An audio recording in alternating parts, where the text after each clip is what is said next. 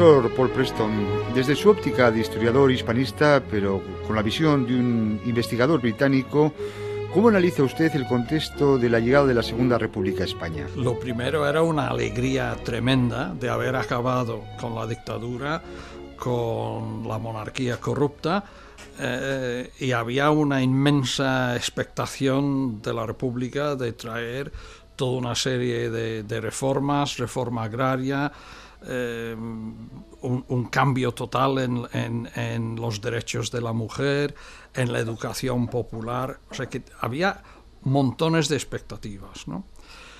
Eh, claro, para ciertos eh, sectores de la sociedad, la Iglesia Católica, que veía la posibilidad de perder su monopolio sobre la educación, incluso de, ver una amenaza a su monopolio sobre las mentes de muchos españoles, para los terratenientes que venían la posibilidad de expropiación con la reforma agraria, para los militares que veían la posibilidad de una, reforma militar.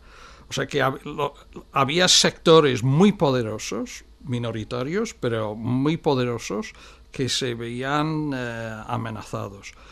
Luego había otro problema, o sea que el problema no era simplemente o sea, la coalición republicano-socialista, el gobierno del 14 de abril, con gran, o sea, sus grandes planes de, reformas económicas y de reformas estructurales, eh, de acabar con el poder de la Iglesia y, del ejército, sino también había el problema de los anarquistas.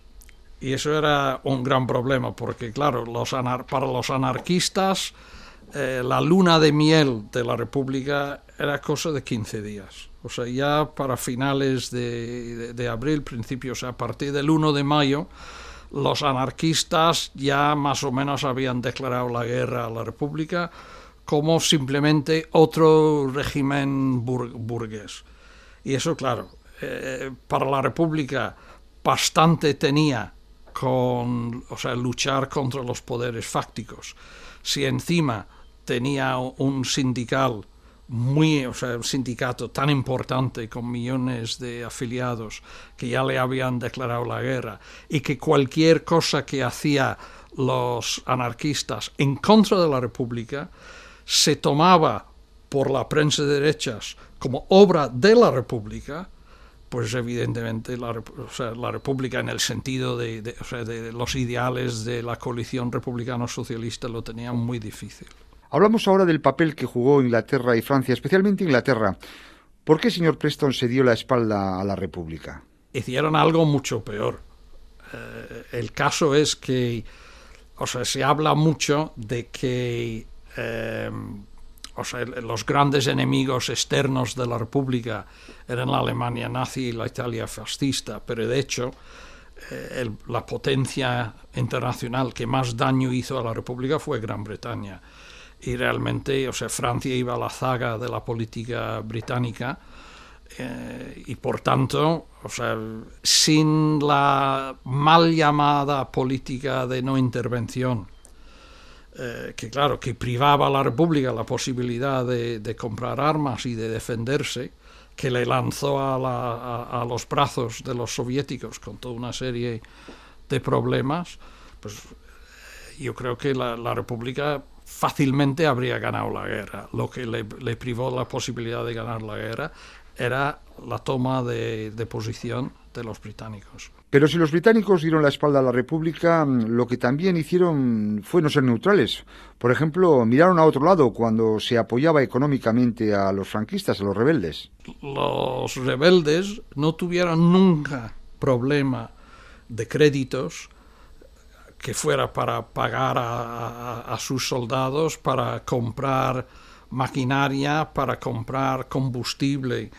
Eh, hay una anécdota que yo creo que retrata eso perfectamente, que es que después de la batalla de Teruel, cuando los franquistas ya habían reconquistado Teruel, y eso fue el, eh, comienzo de la gran, eh, el gran avance hacia el Mediterráneo, el, el dueño de, la compañía petrolera Texaco, eh, que era un, americano alemán o alemán americano, miembro de la organización nazi, eh, la Ausland Organisation, vino a España y estaba en un avión viendo la retirada republicana y el, los republicanos perseguidos por las tropas rebeldes. Y claro, una de las ventajas que tenía Franco es que tenía una flota, digamos, de, de, de 12.000 camiones eh, provistos por la compañía Ford, porque el, eh, el director de Ford Europa era el primo de Alfonso XIII, Alfonso de Orleans Borbón. Y cuando Torquil Riva volvió a Estados Unidos, cenó con Henry Ford y le dijo, mira, que vamos ganando, porque acabo de estar en España, he visto tus camiones con mi gasolina persiguiendo a los republicanos. Y eso yo creo que, es una anécdota, eh, pero que retrata muy bien la situación. Por lo tanto, a la República, señor Preston, no le quedó otra posibilidad que buscar el apoyo en la Unión Soviética. Evidentemente, aunque claro, o sea, la, República buscó ayuda desde el primer momento. ¿no? Lo primero Francia, porque era la aliada tradicional.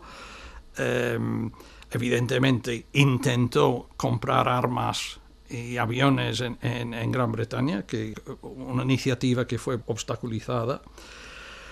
Los rusos desde el primer momento estaban viendo la situación en España. Les preocupó, porque claro, la posibilidad de que con ayuda de, Hitler Franco ganase pronto, pues eso supondría una amenaza a Francia y la política exterior rusa dependía de la, o sea, la permanencia de la alianza con Francia contra la Alemania nazi. Y por tanto, al ver la rapidez con que las columnas de Franco iban avanzando sobre Madrid, eso le decidió a, Stalin que tenía que hacer algo y por tanto accedió a las peticiones de ayuda de la República. Tradicionalmente se ha dicho que eso fue el 30 de septiembre pero ya sabemos que fue mucho antes, que ya en agosto, y gracias a las últimas investigaciones de Ángel Viñas, sabemos que era mucho antes, ya en agosto. Pero claro, es que la República no tuvo otra alternativa.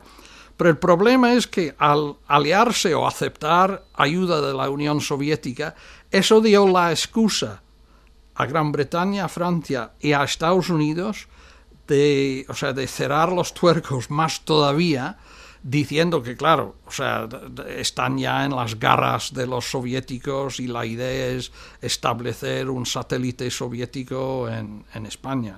Volvamos, si le parece, a la financiación de los rebeldes, de las tropas franquistas.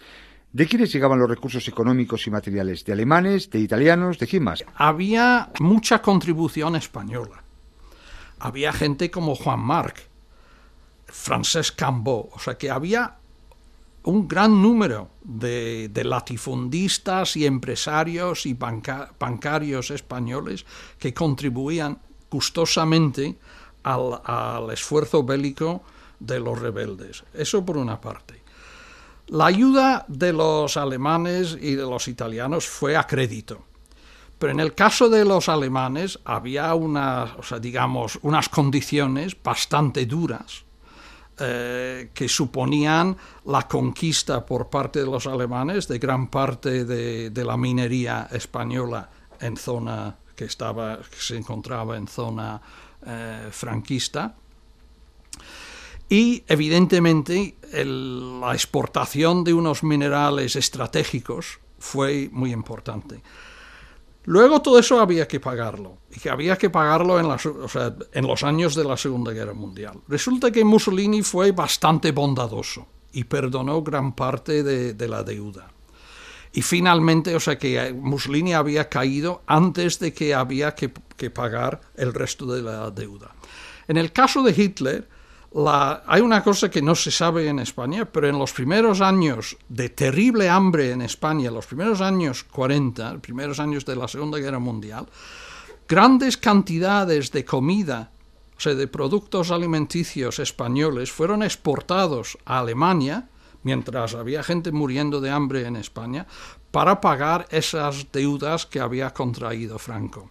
Al final, lo que pasó es que en el año 43-44 se, se, estalló lo que se llama la guerra de Wolframio. Wolframio es el, mineral en, inglés y en alemán llamado tungsten que se utiliza para eh, el acero para o sea, el blindado de, de, los tanques, etcétera, etcétera.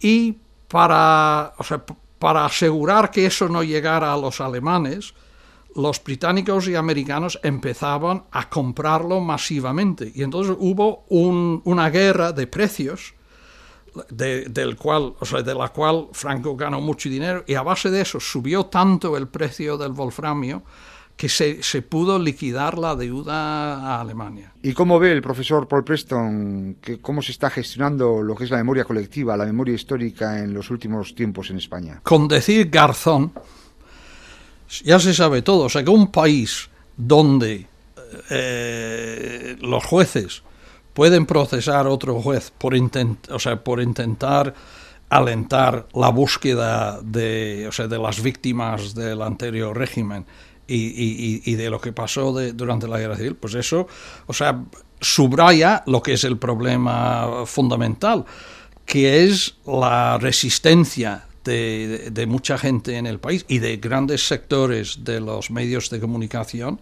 en que se investigue todo eso. O sea que la, los intentos de, de, saber lo que pasó, quiénes eran las víctimas y todo eso. Todo eso, donde se ha fructiferado, ha sido en el trabajo de los historiadores locales. Pero en cambio, o sea, en general, cualquier intento institucional de hacer algo ha sido condenado como remover las cenizas.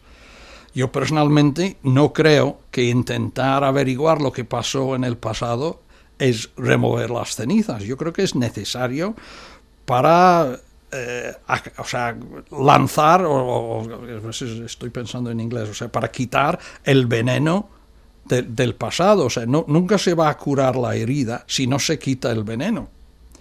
Y yo creo que ese es el problema. No solo ya desde su posición de historiador, señor Preston, sino también como observador de lo que ocurre en el Estado español, ¿cuándo cree usted que se va a cerrar la herida? ¿Solo a través de los libros de historia o en este caso va a continuar eh, siendo la guerra civil y el franquismo motivo de polémica también en la actualidad y en los medios de comunicación? Yo creo que el, el, acúmulo constante de obras históricas finalmente eh, tendrán en fin, el efecto de hacer que la guerra civil sea historia y no tema de polémica. Pero es muy difícil porque tenemos emisoras de radio donde a diario echan mentiras sobre la guerra.